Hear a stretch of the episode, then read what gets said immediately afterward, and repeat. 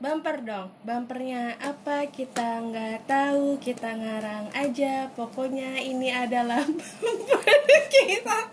Ah, ya udah gak apa-apa. Hai, aku Wulan dan temen aku.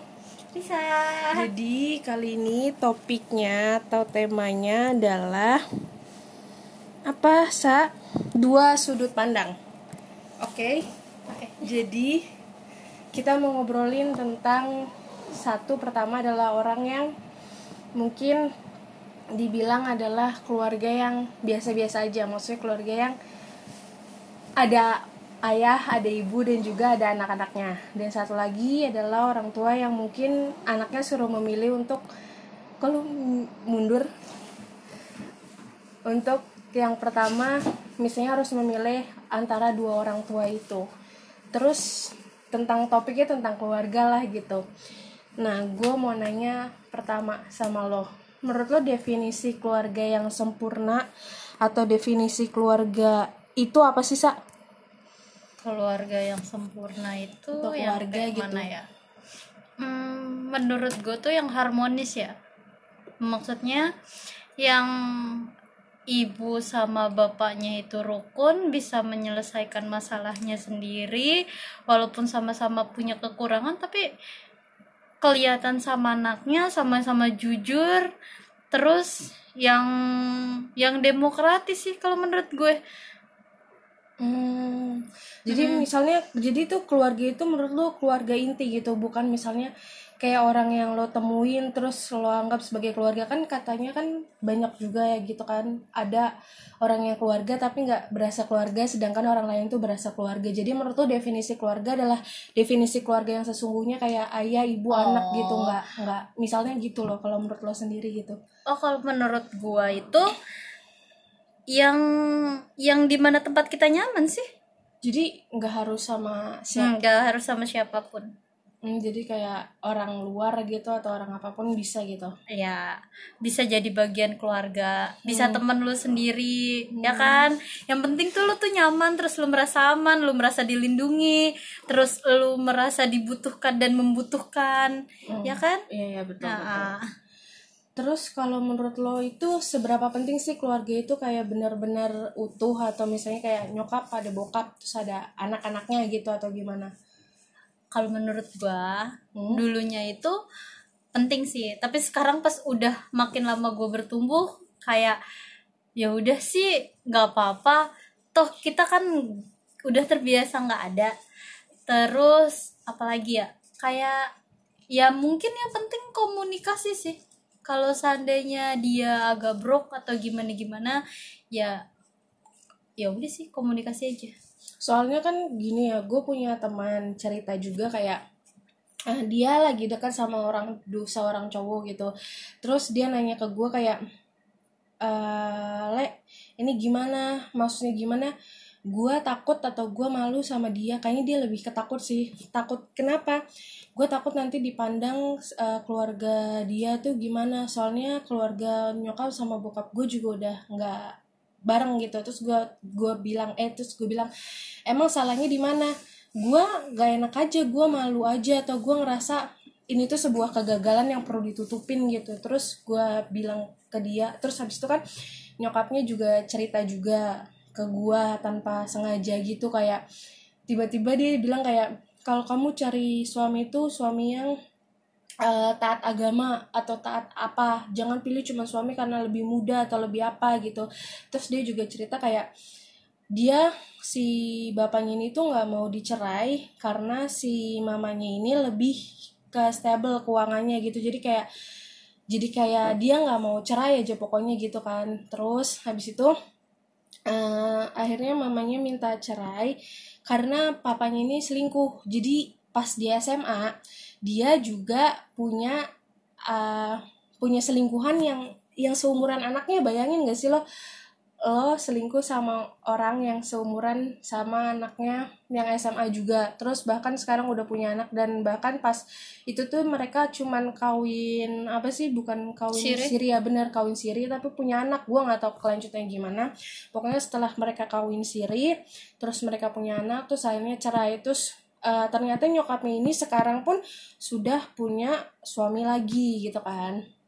Terus habis itu gue yang gue bingung nih. Gue juga pernah punya gue punya temen juga.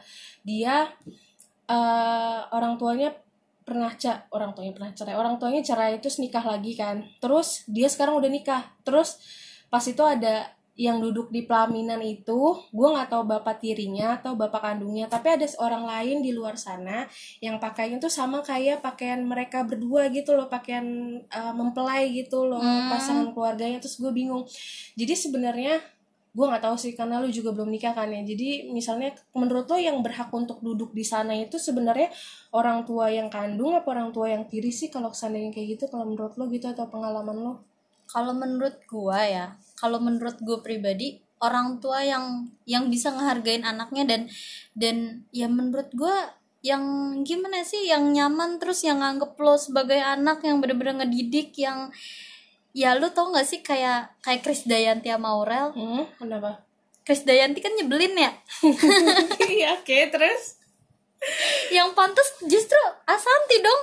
Ngapain coba ngarepin emang gak jelas kayak gitu? Oh iya, oh iya, itu kan ada kasus lain ya. Oh iya, yang baru-baru ini Iya. banget ya malah nah ya. iya. Jadi kalau emang kalau emang gimana ya kalau menurut gua? Kalau emang orang tua lo tuh baik terus nggak ninggalin lo nggak Hmm. Berkhianat. bukan- Ha-ha, walaupun Bukan kan gue bilang balik lagi ke tadi yang gue omongin yang penting lo dipeduliin lo dianggap ada lo merasa aman Hmm. lo merasa dibutuhkan dan membutuhkan. Itu sih keluarga. Tapi kalau ke apa sih i- i- apa, apa ibaratnya kan kalau Ashanti sama Kadi kan Kadi bajunya nggak seragam sama Ashanti sama itu. tapi dia nyokap kandungnya anjir Iya langsung sih, dari rahim seragam ya. Iya. Jadi jadi yang gue nggak tahu sih dia apa gitu. Terus menurut lo yang tadi temen gue itu, apakah menurut lo perceraian itu sebuah kegagalan yang memalukan atau gimana sih kalau menurut lo sendiri gitu? Eh, kalau menurut gua itu mungkin suatu hal yang menyakitkan dan membuat trauma ya. Tapi kalau seandainya per kegagalan masih banyak kegagalan yang harus lu cobain gitu harus banyak banget kegagalan yang harus lu cobain gitu. Ini baru satu kegagalan gitu. nggak nggak nggak serius. Tapi kalau menurut gua ya gagal sih. Cuma kalau seandainya lu berhasil sama satu orang apakah lu nggak nggak sebuah pencapaian dalam hidup Aduh, gue gak tahu lagi gue. Jadi lo pun kalau nikah gitu, lo kan misalnya berpikir nikah gitu, lo akan berusaha untuk sekali seumur hidup gitu. iya terus gue mau dimasukin berapa cowok gila Gak, maksud gue lo pernah ngebayangin kayak hal-hal terburuknya gak? Oh nanti gue ke sananya kayak gini, gue udah rela nih. Seandainya gue kayak gini, gue udah rela nih gitu. ya gimana ya kalau menurut sistem patriarki yang ada Mm-mm. kita Jadi. sebagai wanita itu kan harus bakti sama laki-laki Iya betul. walaupun walaupun pada kenyataannya laki-laki juga bakti cuy sama perempuan entah baik dari nafkah perlindungan kasih sayang bimbing juga cuma ya tanpa dila- disadari oleh laki-laki tersebut kita lebih ditekankan buat bakti Iya sih, soalnya nyokap gue juga bilang kayak seburuk apa pun pasangan lo gitu lo harus Ah. nutupin, lo harus pokoknya kelihatannya di luar tuh dia orang yang baik-baik banget, orang yang menjaga keluarganya. Tapi menurut gue itu berat banget sih, Sa. Gue kayak anjir gue nggak rela lagi ngebiarin si brengsek ini tuh jadi orang baik gitu di mata orang-orang gue kayak nggak rela aja gitu kayaknya sumpah ada pri ada ada ada ada peribahasa Jawa yang apa sih mendem jero mendem jero gitu lo pernah dengar gak sih? Oh iya pokoknya gue iya yang itu. Nah yang kayak gitu. Lo lo nggak boleh ngungkapin aib seseorang atau aib siapa pun itu. Terus lo nggak boleh sampai nge-up tapi lo harus nyeritain tentang baik-baiknya aja.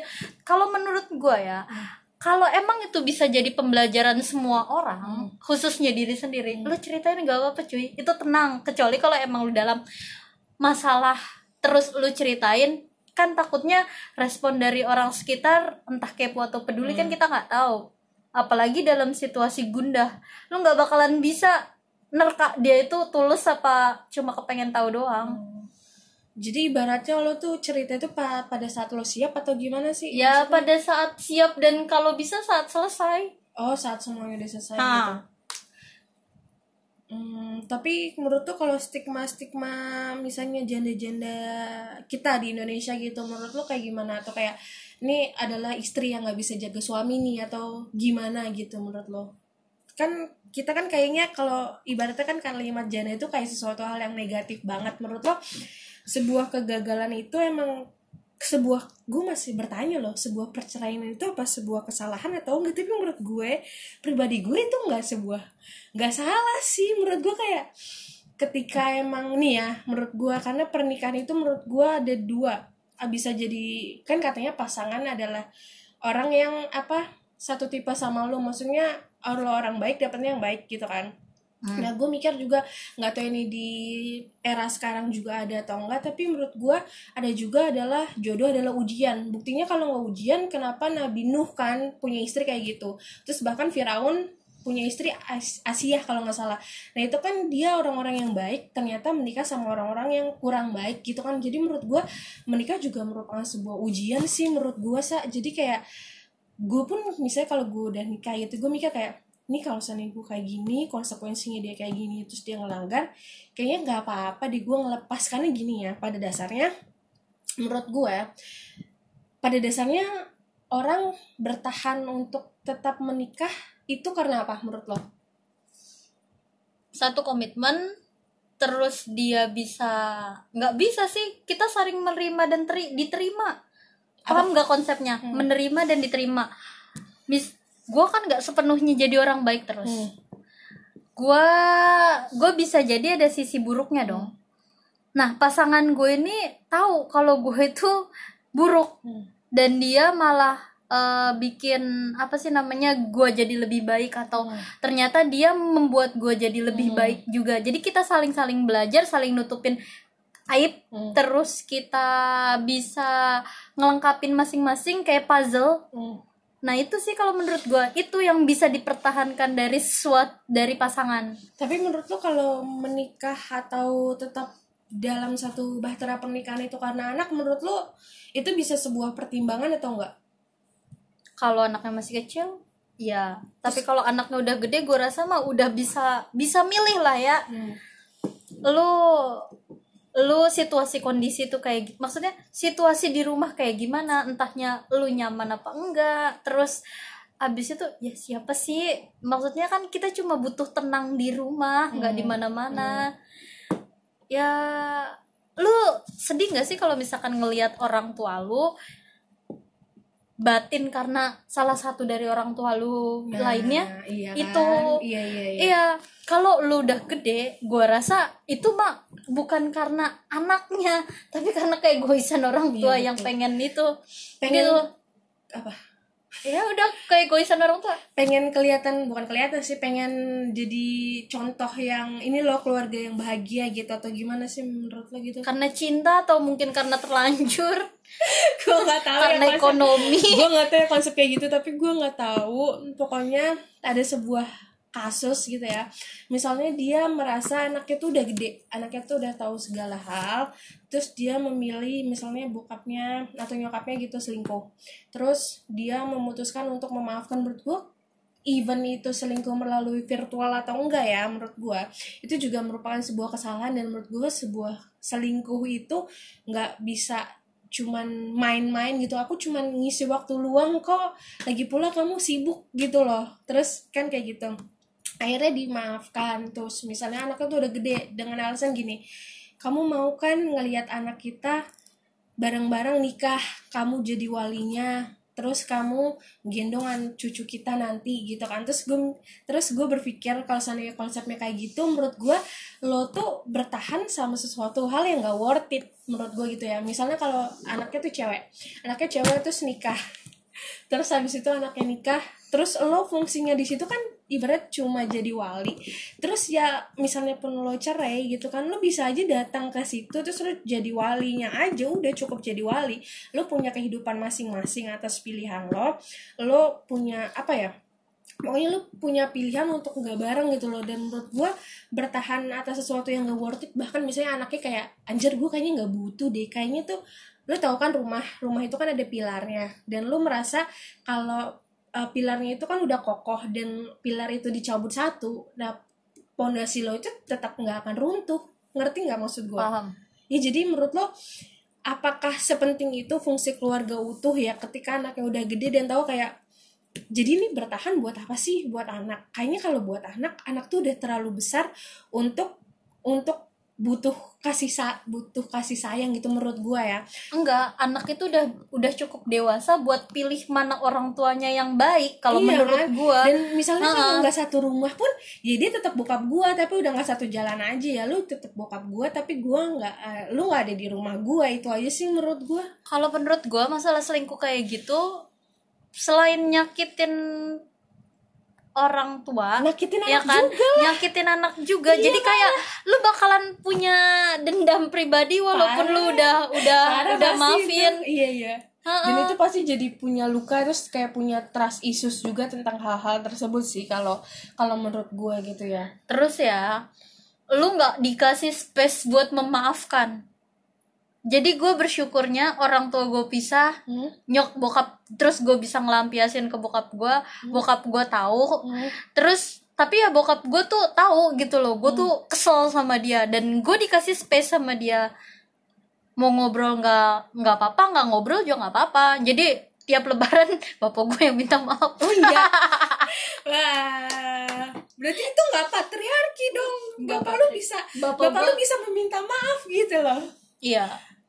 Iya sih, tapi kan ya iya, tapi bisa kok dikasih space untuk minta maaf, even dia nggak minta maaf, tapi lo kayak lo pernah dengar nggak sih kayak memaafkan lo tuh memaafkan orang tersebut bukan karena lo emang maafin, tapi lo pengen bikin hati diri lo sendiri tuh tenang kayak daripada lo sim- simpan dendam, dendam, dendam, dendam, dendam, dan orangnya juga kayak biasa aja masih hidup kayak leha-leha kayak hahaha ya udah gitu. Akhirnya lo melepaskan lo merilis itu semua lo kayak ngebebasin dia udah udahlah bodo amat dia ini gitu. Akhirnya lo bisa memaafkan diri lo karena lo udah capek memendam itu semua sih pada akhirnya. Tapi kalau diingat lagi mungkin ya kalau diingat diingat diingat lo akan tetap kayak ngerasa punya struggle. Anjing juga ya gitu. Iya lu punya struggle.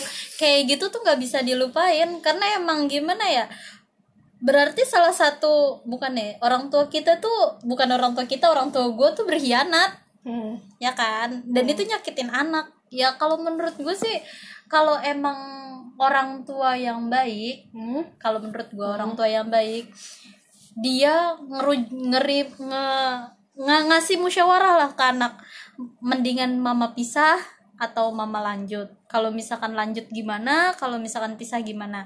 Soalnya ada beberapa kasus saudara gue juga ada yang punya ibu tuh toksik banget sumpah. Hmm. ibunya tuh toksik parah Hmm. ya kan? Duit saudara gue abis kerja eh duit saudara gue gaji saudara gue itu dihabisin sama nyokapnya. Hmm. dengan alasan bakti buat orang tua Hmm, dia bilang berarti Iya. kalau nggak ngasih kamu durhaka gitu. Ya terus eh, uang kuliah buat saudara gue entah itu buat bayar buat masuk kuliah itu nggak dikasih cuy. Dihabisin sama emaknya. Hmm. ya kan? Ya terus abis itu eh bude itu bule gue kan. Hmm. bule gue tuh bilang ini omnya si Risa tuh gini gini gini gini maksudnya ngejelek-jelekin om gue di depan gue Hmm.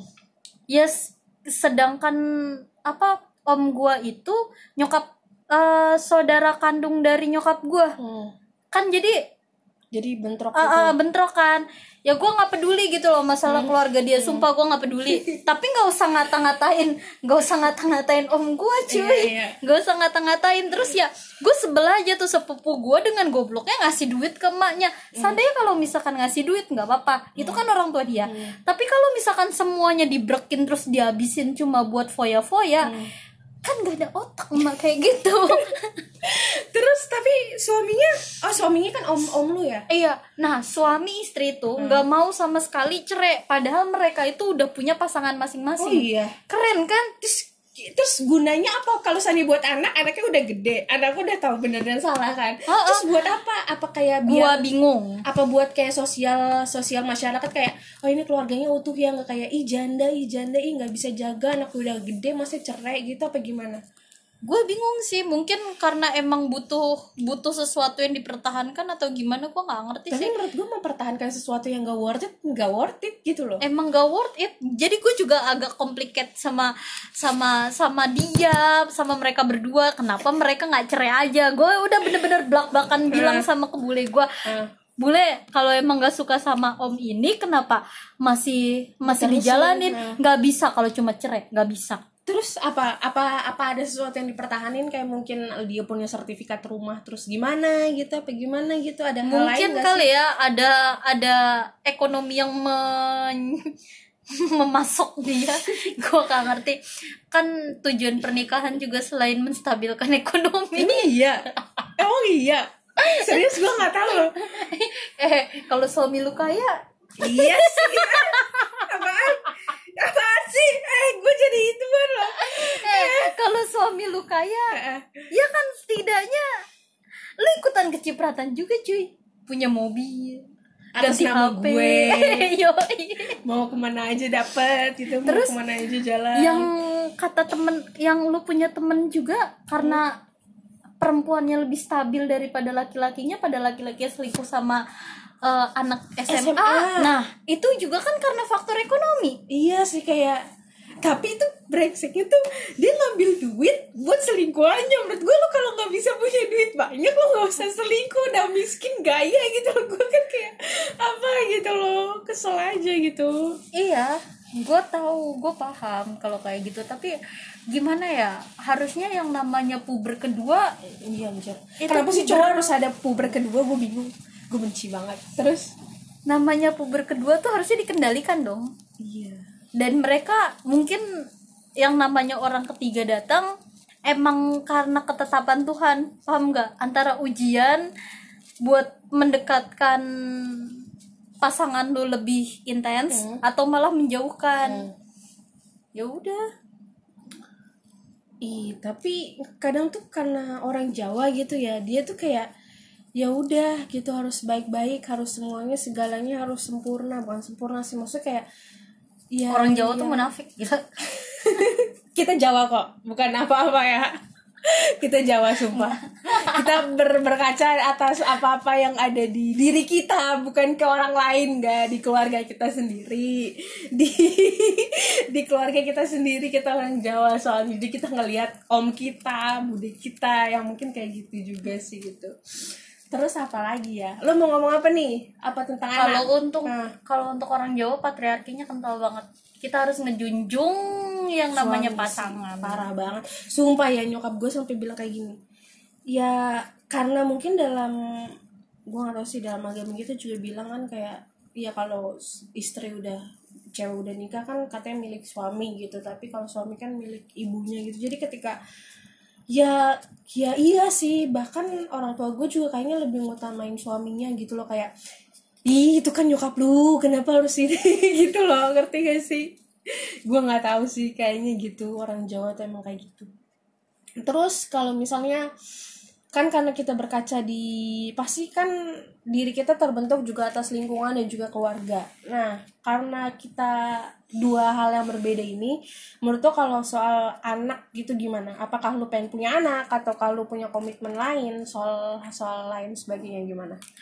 Kalau gua gua kepengen punya anak kandung. Tapi kalaupun gua nggak punya anak kandung ya nggak apa-apa. Gua Kenapa? bisa adopsi. kenapa lu pengen punya anak kandung gua bisa lihat cerminan dari gua sendiri. Tapi kan itu hasil berdua nggak hasil lu doang. Kalau tiba-tiba banyak kan agen itu lah gimana? Ya nggak apa-apa. Gue pengen lihat gue gue pengen punya anak dari rahim gue sendiri gue pengen ngerasain rasanya melahirkan. Terus gue bisa ngerjain suami gue ngerjain suami. Kalau suami lu bener kalau suami lu tiba-tiba kayak orang-orang lain main belakang tiba-tiba nauzubillah min zalik sih. Eh jangan itu do doa anjir. Gue Iya bisa bisa. Aku tuh lagi ngidam. Kamu nggak kasihan anak kita ileran Anjir gue nggak nggak ini lagi nggak nggak nggak kayak gitu lagi. Ya lu lu tau gak sih kita punya temen? Siapa si Regina. Kenapa dibahas di sini disebut? Lu tau gak kan kakaknya ngidam ke Singapura. Oh iya bener si Regina. Kakaknya ngidam ke Singapura. Terus langsung dibeliin tiket. Tuh, Reginanya ikut. Iya nanti kalau lo ngidam tuh ngidam tuh yang bagus-bagus. Jangan cuma duren jangan cuma apa gitu nggak usah. Ya kan? Gue udah bilang kalau misalkan itu bisa ngerjain suami lu dengan alasan anak lu nanti ileran kalau nggak kalau nggak diturutin maunya gue ya tapi sebagai bagi apa gimana eh masalahnya ekonomi lu cukup nggak buat ke Singapura? Seminggu gila. Seminggu. Seminggu ya? Hmm. jadi lo gue baru tahu lo lo pengen punya anak. Terus tapi lo pengen punya anak karena dasarnya lo pengen ini ya pengen bikin panti asuhan ya buat anak-anak eh yang dulu lain. itu tuh pas gue SMK hmm. ya nggak apa-apa sih gue suka sama anak kecil cuma mungkin gue jadi mak yang galak kali ya. Gue nggak tahu sih kayaknya lo jadi mak yang baik juga sih menurut gue amin. Amin.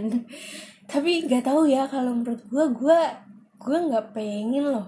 Lu udah tahu kan yang gue bilang kayak gue nggak pengen gue menambah populasi orang di dunia ini gue nggak pengen karena menurut gue anak tuh banyak banget yang butuh cinta di dunia ini terus kayak mereka dibuang terus mereka nggak diharapkan terus mereka kayak aduh masa depannya kayak aduh gue aja udah dibuang gue nggak disayang sama orang tua gue jadi gue pengen ada orang yang tulus nyayangin mereka sih kayak gue nggak tega aja gitu kayak terus gue nggak tahu kan masa depan gue nggak bisa menjamin iman anak gue juga gue nggak bisa menjamin kehidupan mereka ke depannya kan baik atau enggak jadi gue nggak mau nah gue nggak pengen bukannya nggak pengen punya anak ya itu takutnya di doa juga kan. Untuk saat ini gitu gue mikir kayak gue nggak mau sampai dia pertama itu dia kalau dia benci gue karena gue melahirkan dia terus kayak ah nyokap gue tuh lahir lahiran doang tapi nggak bisa mencukupi gue nyokap gue nggak bertanggung jawab atas gue misalnya kayak gitu. Nggak apa-apa dia benci gue tapi gue nggak pengen dia tuh pertama dia benci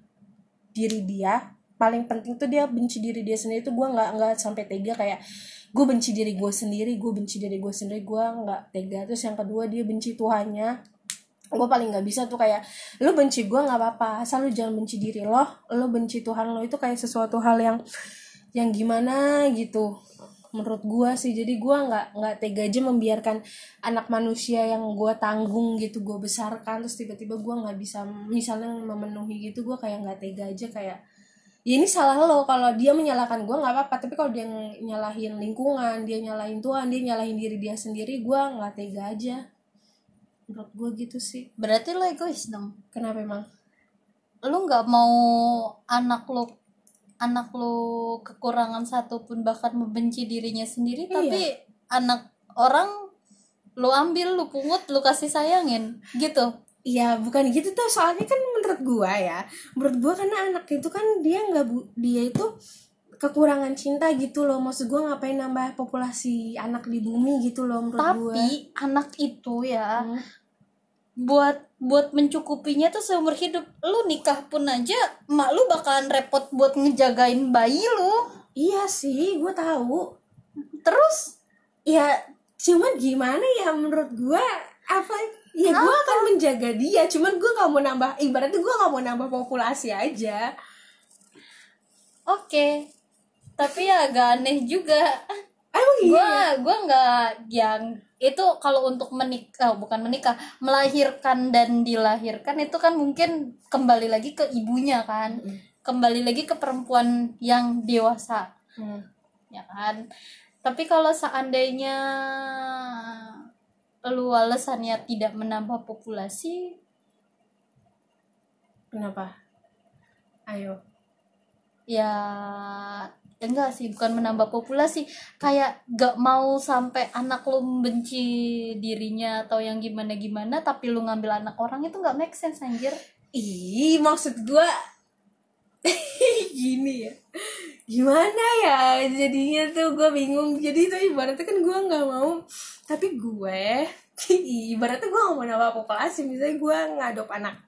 Terus gue eh, jaga dia ngerawat dia. Terus maksudnya kenapa nggak anak sendiri gitu lo rawat lo kasih sayangin gitu kan? aha Itu nggak ini nggak masuk tahu. nggak apa-apa jadi Hai. gue kayak dia jadi kayak gitu jadi maksud lo maksud lo gini lo mau ngejagain anak orang tapi berarti jadi gue tau maksud lo gini kan jadi berarti kalau anak orang susah nggak apa-apa dong gitu kan maksud lo enggak anjir bukannya kayak gitu ya apa apaan sih?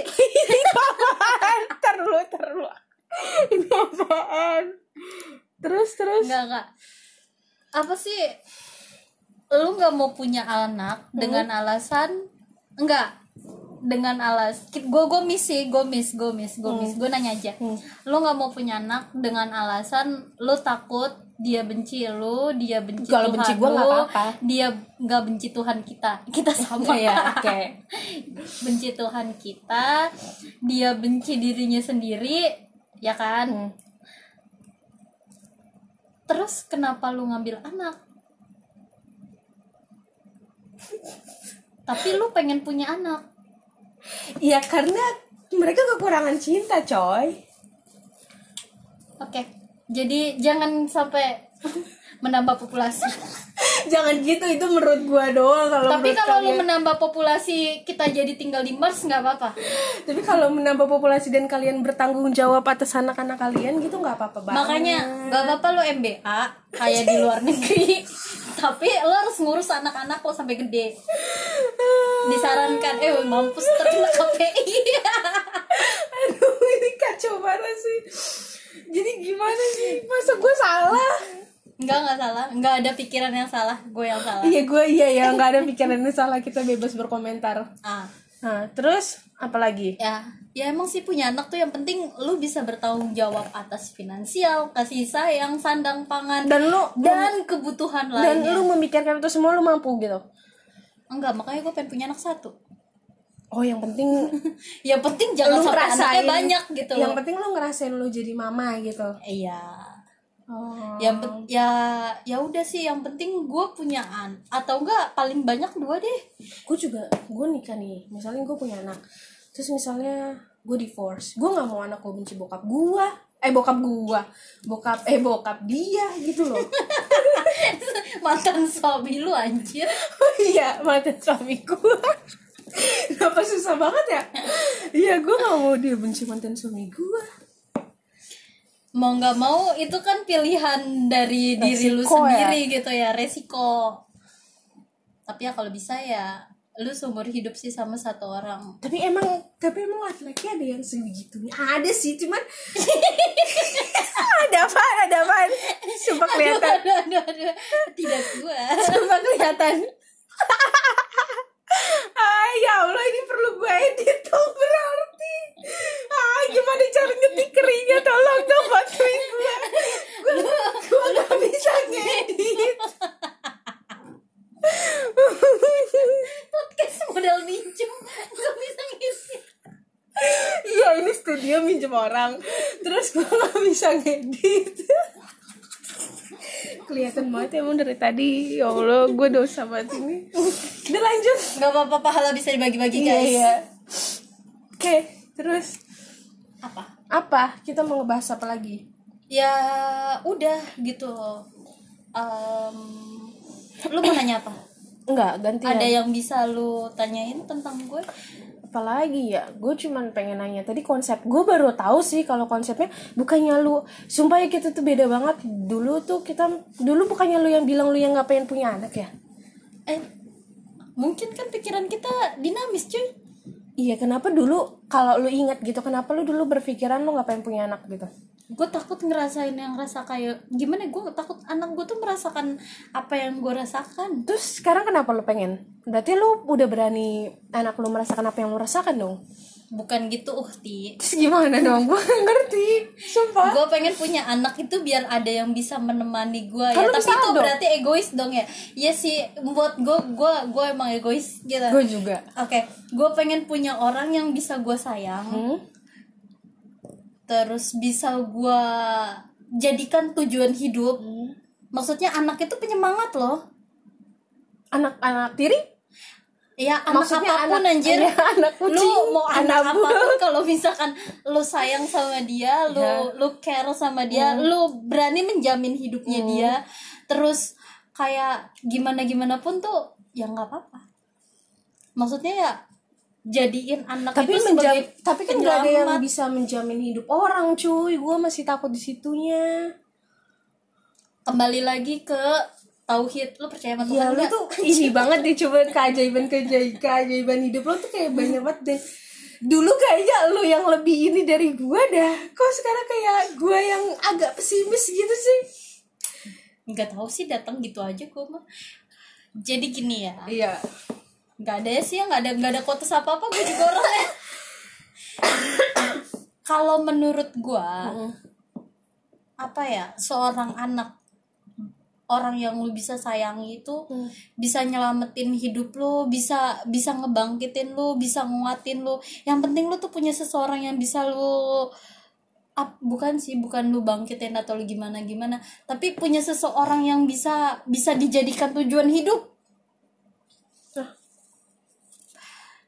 lu pengen dia bahagia lu pengen dia itu apa ya maksudnya tercukupi. Pasti ada salah satu yang bisa kita jadikan penyemangat.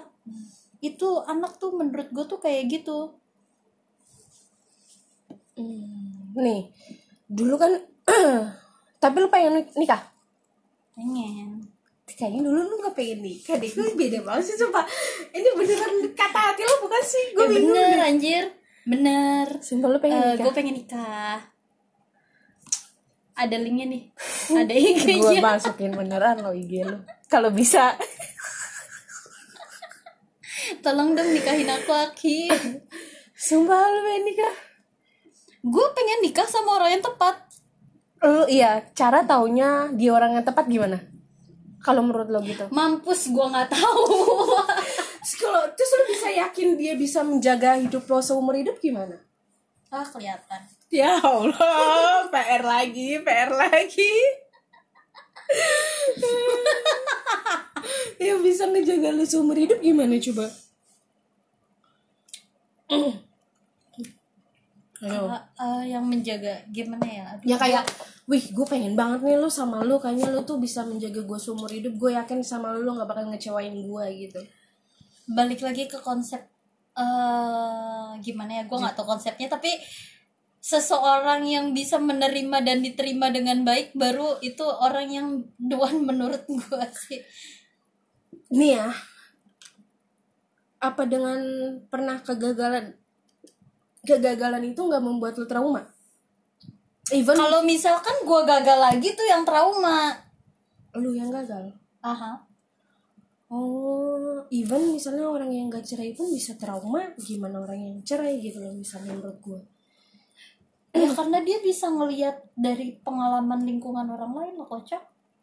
Bisa jadi dia seseorang yang punya empati yang besar. Hmm. terus dia akhirnya merasakan lingkungan sekitar tuh kok begini. Lu pernah gak sih ngeliat orang miskin susah gitu? Terus ya Allah kasihan banget. Terus lu ngapain kalau dia kasihan? Ya seenggaknya kalau lu punya duit lu beliin dia makanan. Kalau berupa duit gue nggak suka. Ya kalau berupa duit dia akan terus kayak gitu tanpa memperbaiki apa pun dong ya makanya. Terus gimana? Tadi kita ngomongin apa sih? Kok sampai sini gue bingung. Oh iya yang trauma Oh. itu.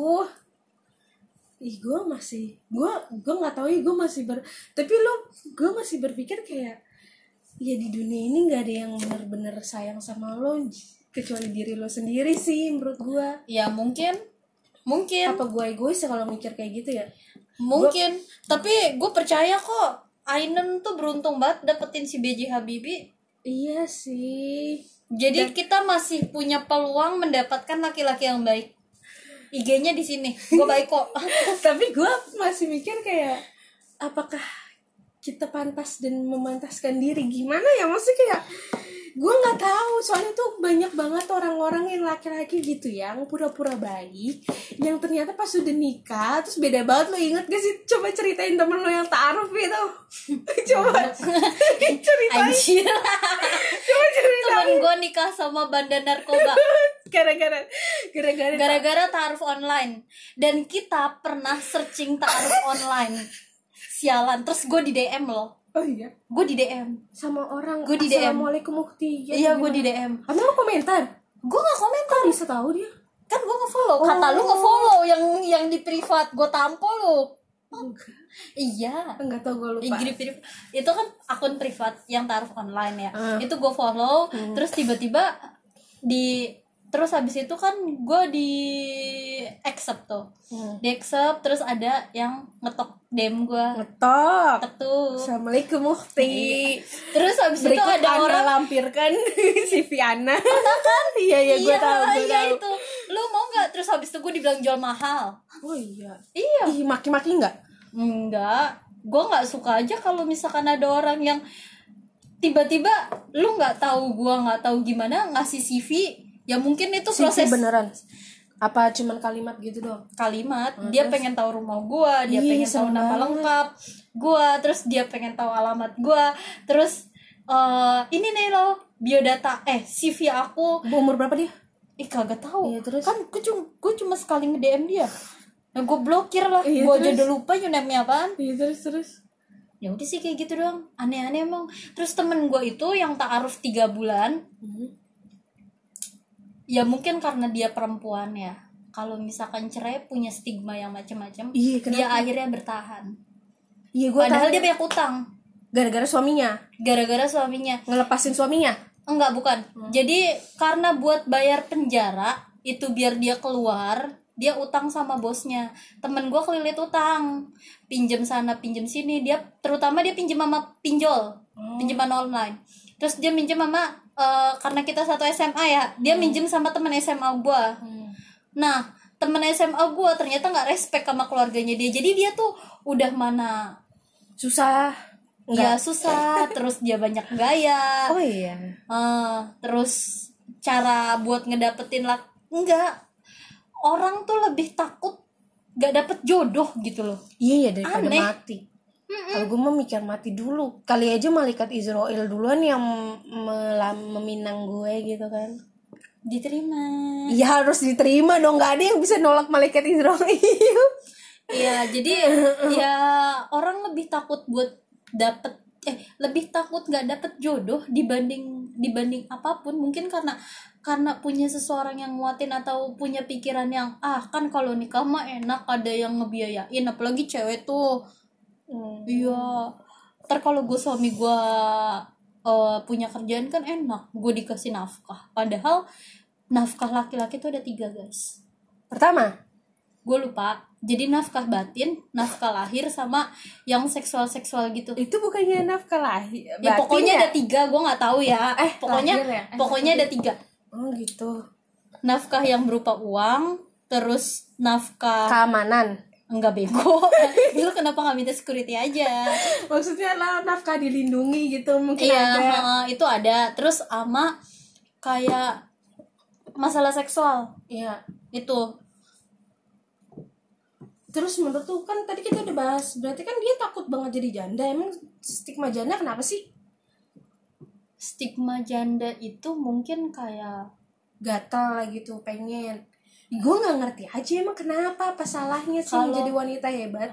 kalau misalkan stigma janda itu kalau menurut gue dikasihani sama orang apalagi sama orang tua Ah, maksudnya? takutnya nggak lu lu kalau misalkan janda lu mau diurus sama siapa nanti tua Sama anak. ya lu kalau punya anak kalau Iya, misalkan lu nggak punya anak gue di tunawisma. Sumpah, gue mikir gitu. Eh, tunawisma. Apa? Panti jompo kok tunawisma sih?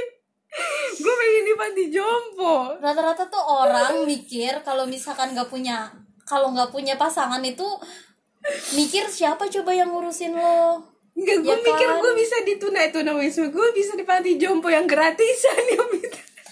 emak gue janda ya kan Hmm. Terus abis itu dibully sama orang yang nggak punya anak. Emak gue langsung savage loh daripada lu nggak punya anak? Tapi punya Tarzan harusnya dia savage Harusnya tapi dia- nggak kayak gitu ngomongnya. Emak gue tuh ngomong di depan gue maksudnya dia Eh, kesel eh. sama orang itu. Terus habis itu langsung bilang ih mama mah lebih bersyukur ya daripada nggak apa-apa nggak punya nggak apa-apa walaupun mama tuh nggak ada suami. Tapi kan dia nggak punya anak. Nggak ada yang nggak ada yang bisa nggak ada yang bisa hahihi nggak ada yang nggak ada yang bisa dia mainin. Maksudnya mainin ya nggak kayak gitu lah goblok. Nggak nggak kayak gimana sih? Maksudnya nggak ada yang nggak ada yang jadi penerus dia selanjutnya gitu loh. Gue kira di depan mukanya harusnya di Enggak. attack daripada lu gak punya suami. Soalnya tiap tiap tiap janda itu pasti ditanyain loh sama orang sekitar. Sumpah ditanya sumpah apa? ditanyain "Eh, Suaminya ke mana iya gitu?" suaminya ke mana? Di- lah gue ditanya bapaknya ke mana? Sering datang apa enggak? Sering dikasih uang apa enggak? Ya bapak gue nggak ngasih duit. Kalau lu mau ngasih duit silahkan Eh, bapak anda tidak bertanggung jawab bapak mana nafkahmu bapak ya udah ya udah kayak gitu kan ya kalau gue mah tipe orang yang emosian kan ya udahlah kalau misalkan mau mana gue mau. Gak, kagak basa-basi gue aduh parah banget sih emang ya udah mungkin stigma janda itu lu karena takut kesepian. Balik lagi ya Ge. ada orang yang menikah karena faktor ekonomi. Takut dia nggak kesuplai kehidupan sehari harinya tapi kalau tiba-tiba diceraiin terus tinggal sama tiga anak misalnya gimana? Itu lebih berat lagi ekonominya banyak kan yang kayak gitu juga. Ternyata katanya lo mau memperbaiki eh, status ekonomi lo. Tapi ternyata pada kenyataannya mereka juga belum stable stable amat. Terus akhirnya mereka cerai terus dia hidup sama tiga orang anak terus akhirnya dia malah lebih lebih susah hidupnya. Dari awalnya dia pengen menggantungkan hidup malah dia yang ngurusin hidup orang gitu misalnya. Ya itu karena emang egois sih. Maksudnya? Karena egois karena mungkin karena malu dia janda atau emang karena terlalu sayang gak bisa menutup kemungkinan orang kalau sayang tuh goblok. Hah? Maksudnya? Kan pada ujungnya dia cerai oh cerai. Gimana Gua- sih? gak ngerti. jadi lu gak ngerti gue ngomong apa? Maksudnya maksudnya kan misalnya niatnya lu tuh kan nikah buat dihidupin gitu sama suami lo. Hmm. tapi ternyata suami lo main gila apa lebih gila lagi? Ah banyak sih orang yang bertahan demi itu ya suaminya macam-macam tapi kan ada juga misalnya cerai karena faktor ekonomi juga ternyata. Terus akhirnya si istri ini nggak punya kerjaan atau nggak punya penghasilan tetap. Hmm. Diceraiin sama suami punya tiga anak. Terus gimana cara ngurusinnya? Itu kan bahkan lebih susah dari awalnya lu pengen bertahan hidup atau lu pengen dihidupi yang layak malah lu jadi tidak layak dengan tiga orang anaknya itu misalnya gitu. Hmm, jadi kayak gitu. Ayo gimana? Ah itu ah itu gue nggak bisa deh nggak bisa jawab. Gue nggak bisa jawab. Ter- terlalu tapi kalau iya itu terlalu sulit. Tapi kalaupun lu punya anak dan lu harus ada yang dinafkahi mungkin lu bakal giat untuk mencari pekerjaan. tapi anak itu ladang rezeki gak sih men? Kayak ada yang tiba-tiba kayak rezekinya lancar gitu banyak anak banyak rezeki. Benar apa nggak menurut lo? Mungkin buat sebagian orang benar ya kan? Misalnya dijadiin pengamen di jalan. Astagfirullah. Astagfirullah itu parah banget ya tapi itu kenapa ada orang tua yang kayak gitu? Itu anak Nyewain iya, anak, betul. oh. dikasih dikasih obat tidur. Mungkin itu kan ladang rezeki kan ya nggak ada yang tahu rezekinya kayak gimana. Tapi kalau menurut gua pribadi sebagai manusia yang modern homo sapiens iya. eh, punya anak banyak itu sesuatu yang rumit. Karena satu kembali lagi ke awal lu punya anak bener-bener nge apa nge ngesuplai dia seumur hidup. Iya benar lu pasti bakal khawatir walaupun anak lu udah nikah. Oh iya. Pasti. Kan udah mak lu aja mungkin ya lu punya nyokap terus abis itu nenek lu kalau misalkan dia masih hidup ya pasti nanyain kabar lah. Iya. Dan orang tua tuh berasa tahu Eh, eh. maksudnya ya kalau misalkan kasih sayang atau gimana gimana selalu bakal selalu ada. Tapi kalau misalkan perasaan atau ikatan batin itu pasti selalu ada. Gimana ya? Pasti dia punya tanggung jawab buat buat pengen ngebahagiain orang tua eh anaknya sendiri. Lah mak gue cerai sama bokap gue nenek gue yang repot suruh gue tinggal di Jogja kenapa kasihan sama lu. Iya mungkin. Padahal kan gue punya rumah nyokap gue juga punya kerjaan di sana. Gue juga waktu itu sedang sekolah. Dan emak gue dengan kekehnya nggak mau. Gue mau di sini aja. Gitu. Tapi ya nenek gue khawatir. Karena mungkin stigma sebagai seorang janda itu berat. Selain itu juga kan banyak orang-orang yang iseng mau godain atau mau ngefitnah gitu. Iya, godaan banyak kok yang banyak mau banget. banyak emang. Padahal mah emang dasar laki-lakinya aja yang gatel. Ih pasti bilang ah gak janda itu pasti lebih gampang lah atau gimana. Gue gue nggak ngerti sih stigma itu dapat dari mana tapi kayak kenapa harus kayak gitu? gitu loh. Ya janda lebih menggoda kan daripada yang perawan janda janda terdepan. Iya emang. Nah kan tadi lu bilang pengen punya anak. Tiba-tiba anak lu bilang eh, anak lu jadi bagian yang gak lu yang nggak umum misalnya dia jadi bisexual atau lain sebagainya gimana? Lu udah siap belum? Atau lu kasih pemahaman atau gimana gitu? Untuk jadi biseksual Atau apa pun. LG ya, LGBT LGBTQ cute ya nah, terus? Terus aduh gue gimana ya? Kalau mungkin kalau gue pun anak gue pindah agama bodo amat kali. Maksudnya ya yang penting yang penting dia percaya sama Tuhan. Dan dan lu menerima anak lu apa ada nih mis iya gue nerima anak gue even padanya dia misalnya cuma kalau seandainya dia punya stigma negatif di masyarakat gue yang sedih sih. Gue sedih. Gue sedih. Tapi tapi lu tapi menerima. gue menerima. Dia misalnya ih dia tuh bisex gitu ya nggak apa-apa itu hidup lo gitu. Itu kan orientasi seksual dia Hmm. ya kan? Yang penting apa ya dia punya pencapaian yang lebih gimana ya gue pengen anak gue itu punya punya pencapaian selain biseksual dia punya pencapaian entah dalam pendidikan dalam karir. Ya udah biar bisa bisa nyumpal mulut orang-orang yang ngehina dia itu sih yang gue pengen.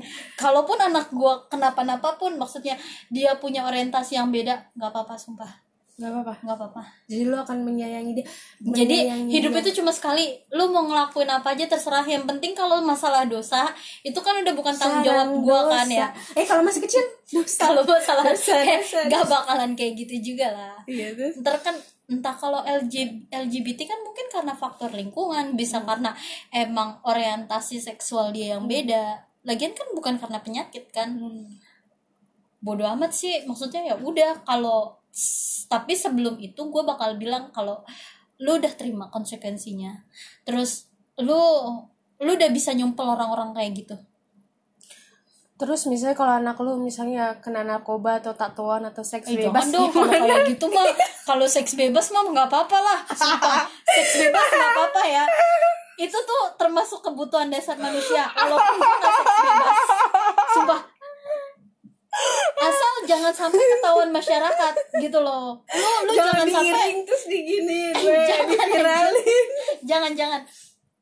Lu seks bebas ya. Seenggaknya jangan yang hotel yang ecek-ecek lah. Jangan oyo gitu. Jangan yang sejam tiga puluh ribu. Eh, di, di Surabaya sejam lima puluh ribu. Sih? ya kita nonton Oh iya. Sejam lima puluh Nggak ini tamas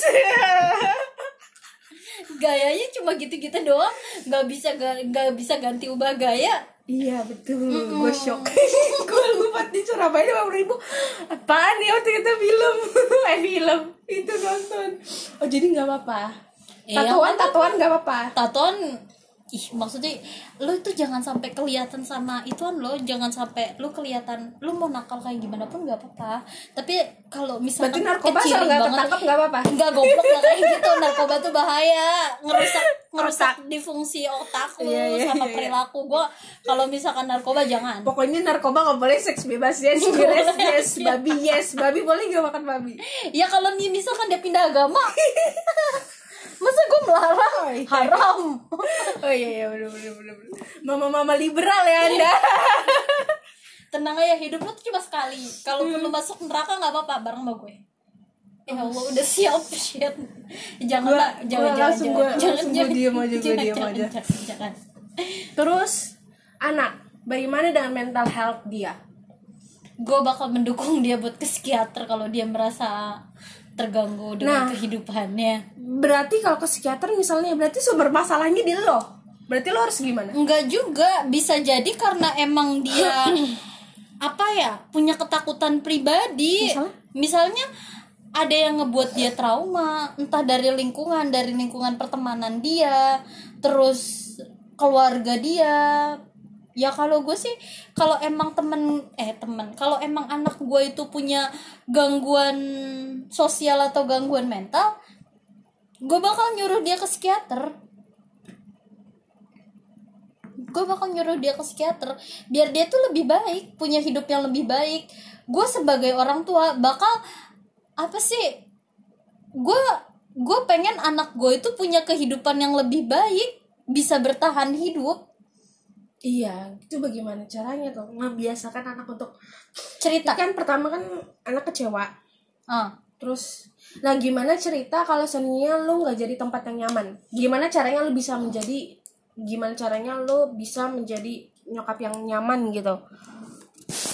Yang penting tuh pendekatan diri sih ya dari kecil. Walaupun gue nggak punya anak gue suatu saat nanti gue akan mendekatkan diri kepada anak gue lu bisa cerita apa aja tanpa gue jahat semoga ibumu seperti itu nak Iya. Terus eh, lu mau cerita apa aja nggak apa-apa. Gua gua gue emang nyokap lu, tapi gue teman baik lu juga. misalnya udah siap belum misalnya kayak tiba-tiba anak lo cerita mah aku tadi habis dicium sama cowok gitu atau cewek Bagus, lanjutin. atau lo kan nanya gimana rasanya di mana gitu nggak Enggak sih, mungkin gue kalau sebagai orang tua bakal Lu kaget? ya bener lagi kaget Lu terus bakal kaget. terus reaksi lu gimana biar kayak akhirnya anak itu nyaman gue cerita lagi gitu Ya, gue bakal ngasih tahu. terus tiba-tiba kayak Gue bakal ngasih apa sih namanya gambaran. Hmm. Kalau lu udah ciuman, mungkin aja laki-laki minta lebih. terus kayak kalau iya mah boleh nggak gitu gimana Aduh, kalau seandainya lu udah cukup umur 21 plus plus Hmm. nggak apa-apa deh. Jadi aku harus nungguin 21 dulu mah gitu Iya, iyalah. Ya iyalah, lu tuh udah punya tanggung jawab, tapi kalau lu masih belasan tahun kasihan dong kuliah sama sekolah lu. terus gimana mah biar aku tahan sampai umur 21 mah atau mungkin itu mah misalnya gitu Lu mendekatkan diri kepada orang-orang yang baik. nih ya sumpah ya anak lu dibilangin kayak gitu bakal nurut gak gue tanya Enggak juga. terus gimana Enggak juga, tapi jadi- seenggaknya gue tahu lingkungan pergaulan dia. Kan ya emang orang, belum tentu orang sih. tua selalu bilang saya tahu anak saya yakin anda tahu anak anda di Iya, belakang iya, Ayo. iya, iya, Emang lu iya, yakin iya, anak iya. lu emang lu yakin anak lu cerita semuanya misalnya gitu Iya, iya, iya gue tahu. Tapi ya seenggaknya kita punya pendekatan diri ke anak lah. Terus kalau dulu tuh nyokap gue ngasih gambaran kalau lu tuh gini gini gini bakal kayak gini gini. eh gimana misalnya gue nggak dikasih tahu loh Ya lu mah payah sih. iya serius jahat banget lo mama Mwah. gimana gimana misalnya Ini kalau kalau nyokap gue tuh selalu bilang jaga diri. Nanti takutnya dihamil di luar nikah kalau misalkan macam-macam. Ya ngasih gambaran kurang lebih kayak gitu. hmm, gitu. Terus lo Iya, akhirnya ya, mengiyakan ya gitu, akhirnya ya gue mengiyakan. Gue nggak mau gue mau macem-macem. Tapi ya gue nggak mau, mau sampai macem-macem. lebih mau macem-macem tapi nggak lebih itu kayak mana ya sih? kayak ya lu cuma ciuman doang sekedar ciuman kasih sayang doang nggak apa-apa.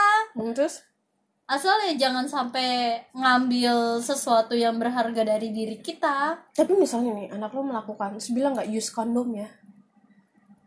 Kalau misalkan dia masih kuliah nggak apa-apa. Use kondom lagian dua belas ribu dapat tiga. Astagfirullahaladzim. Gue pusing sama lo lama-lama dua belas ribu dapat tiga. Terus di Fiesta itu ada rasa mie goreng kopi terus sama cimol. Pedes. Nyam nyam nyam nyam nyam. lu nggak tahu kan? Nggak tahu. Payah lu mah. Dua belas ribu tiga? Gue liat di Twitter. Oke mantap. Alibi yang bagus. Gak praktek langsung ya? Enggak lagian kepedesan gue kan gak suka pedes. Iya benar. Nah, gue gak suka kopi. Ih, tapi kan dan gue gak suka mie goreng. Bayangin deh Kalau bener rasanya pedes apa? Nggak pedes kayak katanya sih itu cuma baunya aja Nah, lalalala. eh, itu bukannya langsung nafsu tapi lapar Aku lapar mau gigit apalagi ya apalagi Ya, lagian fantasi orang beda-beda banget. Maksudnya fantasi orang serem banget ya ke makanan gitu ya. Kan kalau misalkan kondom yang rasa-rasa kayak gitu buat kalau misalkan ngebeje nggak sakit. Blow blow job. ya, Kita udah dewasa ya, aja. ya, ya, kita nggak kita nggak pura-pura nggak tahu oke Ya udah tahu, lu lu males lah gue mau lu Iya, iya. buka banget males iya males, gue males. tahu gue tahu Seakan-akan gue yang haram. iya iya iya iya oke oke Males gue sama lu udah males. lanjut lanjut kan kalau misalkan fantasi orang kan aneh-aneh ya Hmm. Gunanya kondom yang rasa-rasa itu bukan buat buat buat apa sih? Bukan buat hubungan seks. Emang itu termasuk Bukan hubungan seksual. iya baik di mata gue sendiri jangan di mata orang lain. Iya tahu kadang tuh penampilan juga nipu kayak gue suka sama dia karena rajin ibadah. Ternyata ibadah STMJ sholat iya maksiat jalan. Ya bagus lah. Berarti seimbang kan jalan. banget sih hidup tapi maksud gue kalau fake banget di depan orang gitu loh? Ya, lu punya citra diri yang baik anjir. Iya tapi di mata orang doang tapi di mata inian enggak gitu loh gue bingung. Iya. Ya semoga aja kita dijauhin dari laki-laki yang seperti itu ya bun. Amin, amin bun. Terus gimana? Lu lu lu? Banbun banbun terus lu gimana diskusi sama suami lu? Misalnya nanti kalau kalau misalnya Gua nangis sih, lu, sih. bilang kayak gitu terus suami lu gini nggak bisa gua pokoknya harus eh anak kita tuh harus bener banget gini. Lempeng astagfirullah kalau nggak kita rukiah dia gitu gimana? Di Rukia emaknya dulu Gua- dong yang di gua, Rukia gua pernah di rukiah tau sumpah gue pernah di rukiah terus gue takut gue kayak gini aduh kalau nih setannya keluar gue takut dia ngomong macem-macem. Tapi gue kalau nggak keluar dia muntah gue muntah-muntah. Gue takut sumpah gue takut kayak ada dalam hati gue gini aduh jangan keluar dong kalau ada di dalam jangan keluar. Gue malu. Sumpah gue pernah gue pernah di masjid al azam itu kan pernah ya rukiah rame-rame. Gue di situ kayak aduh jangan dong jangan dong. Gue takut gue takut. Setannya keluar. Iya sih emang di dalam tubuh kita kan emang ada jinnya ya Enggak. jin korin. Korin pokoknya di samping kita. Kagak tahu pokoknya dia menyerupai kita. Terus ya itu tadi gimana? Kalau lu misalnya punya anak spesial gimana kalau gue punya anak yang gue spesial. nggak apa-apa banget lagi. Aduh gue gimana ya antara menerima dan gak, gak nerima juga sih. Gue gue takut malah nggak tahu ya ini pikiran gue tapi semoga aja nggak. Gue malah lebih menerima anak yang spesial sih. Karena itu merupakan apa ya? Gue takut gimana ya kalau seandainya gue nggak kalau gue jawab dulu ya. Kalau gue punya anak yang spesial Hmm. gue takut jalan hidupnya dia dipersulit orang lain dia nggak dapat kerjaan dia nggak bisa mandiri dan dia masih butuh orang tuanya. Sedangkan Hmm. gue tuh bukan orang yang hidup berumur panjang. Tahu dari mana lu? Ya enggak maksud gue gue tuh bukan orang yang seumur hidup sama dia. Iya, betul. Nah gue tuh takut dia itu kehilangan kehilangan kehilangan gue ya allah pede banget sih. Tapi enggak bukan. Maksud gue tuh gue takut kalau misalkan dia itu nggak nggak bisa berdiri sendiri. Hmm. Dia membutuhkan orang. Sedangkan orang kayak gitu kan butuh orang yang punya empati yang deket sama dia yang kayak gimana gimana orang kayak gitu kan susah buat deket. Iya. cuma itu kan perspektif dari diri gue sendiri ya. Gue nggak tahu kalau misalkan orang yang kebutuhannya khusus itu kayak gimana gimana tapi menurut gue tuh kayak gitu. Terus misalnya kan tadi lo pikiran-pikiran itu terus gimana caranya lo mensinkronkan sama suami lo? Sedangkan suami lo misalnya tuh kaku banget gitu. Gimana dong atau lo nggak mau nikah hal lebih baik gue nggak nikah deh kalau nggak satu tipe sama gue atau gimana? Tapi kan nemu orang yang kita pengen tuh susah banget sa. Yang kayak nih gue pengen banget nih yang kayak gini nih kayaknya dia nih yang sesuai nih kayak gitu gimana? Daripada nggak ada gitu ya. Iya ujung-ujungnya daripada nggak ada udahlah gue sama dia gitu gimana? Aduh gue nggak tahu sih ya. Nikah tuh seumur hidup. Parah. Nikah tuh seumur hidup. enggak ya sebenarnya tuh sumpah mending ya tapi lu nggak bakalan mungkin sendiri juga sih tapi mungkin sendiri kalau lu kaya. Iya parah. Makanya kita harus Kita kaya harus kaya jadi mami mami jadi sugar mami sugar mami sugar mami sugar mami. De- tapi lu bakal kesepian juga kalau misalkan lu nggak punya suami. Tapi ya nggak ya. nggak juga sih kalau lu punya lebih kalau menurut gue pribadi sebagai perempuan lebih lu mending punya anak daripada punya suami. Lah oh kalau gue bisa adopt. Jadi ini anak gue tapi tidak ada suami. Tapi lu harus kebal sama kata-kata sama kata-kata eh orang-orang sekitar. Lu nggak nikah nikah lu perawan tua. Emang perawan, Oh, tuanya iya. doang. aduh ya ampun. Aduh tuanya doang. iya lu bakal dikata-katain sama sama lingkungan. Ih gak nikah nikah. Ih sekolah tinggi tinggi pantes aja nggak ada yang mau. Bodoh amat. Keep Iya. your bitch bitch. Aduh parah banget. Terus gimana? omongan orang yang lebih parah omongan kita Iya enggak. kalau kalau gue sih mendukung perempuan itu sesuai dengan apa yang dia mau. Tapi kalau gue kalau gue sih gue kepengen menikah tapi semoga sama orang yang tepat. Hmm.